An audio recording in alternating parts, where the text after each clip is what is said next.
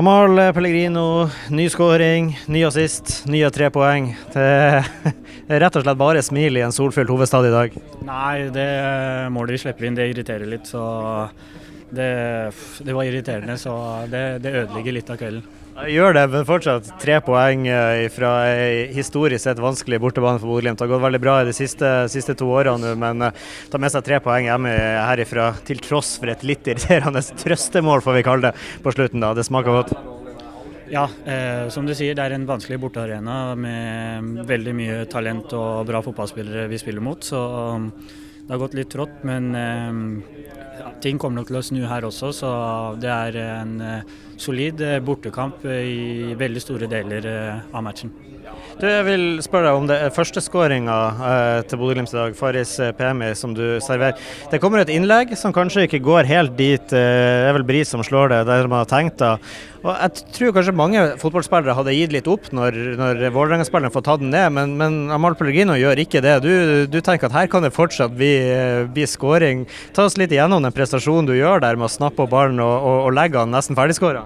Fotballsmartness på høyt nivå.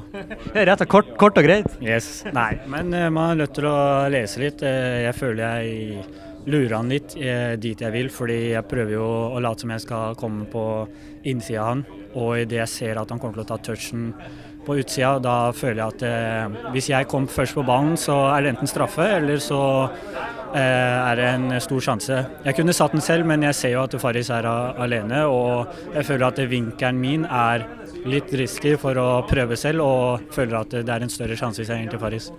Ja, for Apropos prøv sjøl. Nå vet vi jo at du alltid er sugen på skåringer, og som regel får du det så ofte, ofte også. Men jeg, jeg, legger merke til noen detaljer i dag hvor det virkelig kommer frem. da, En, en sug på skåring hos deg. Bl.a.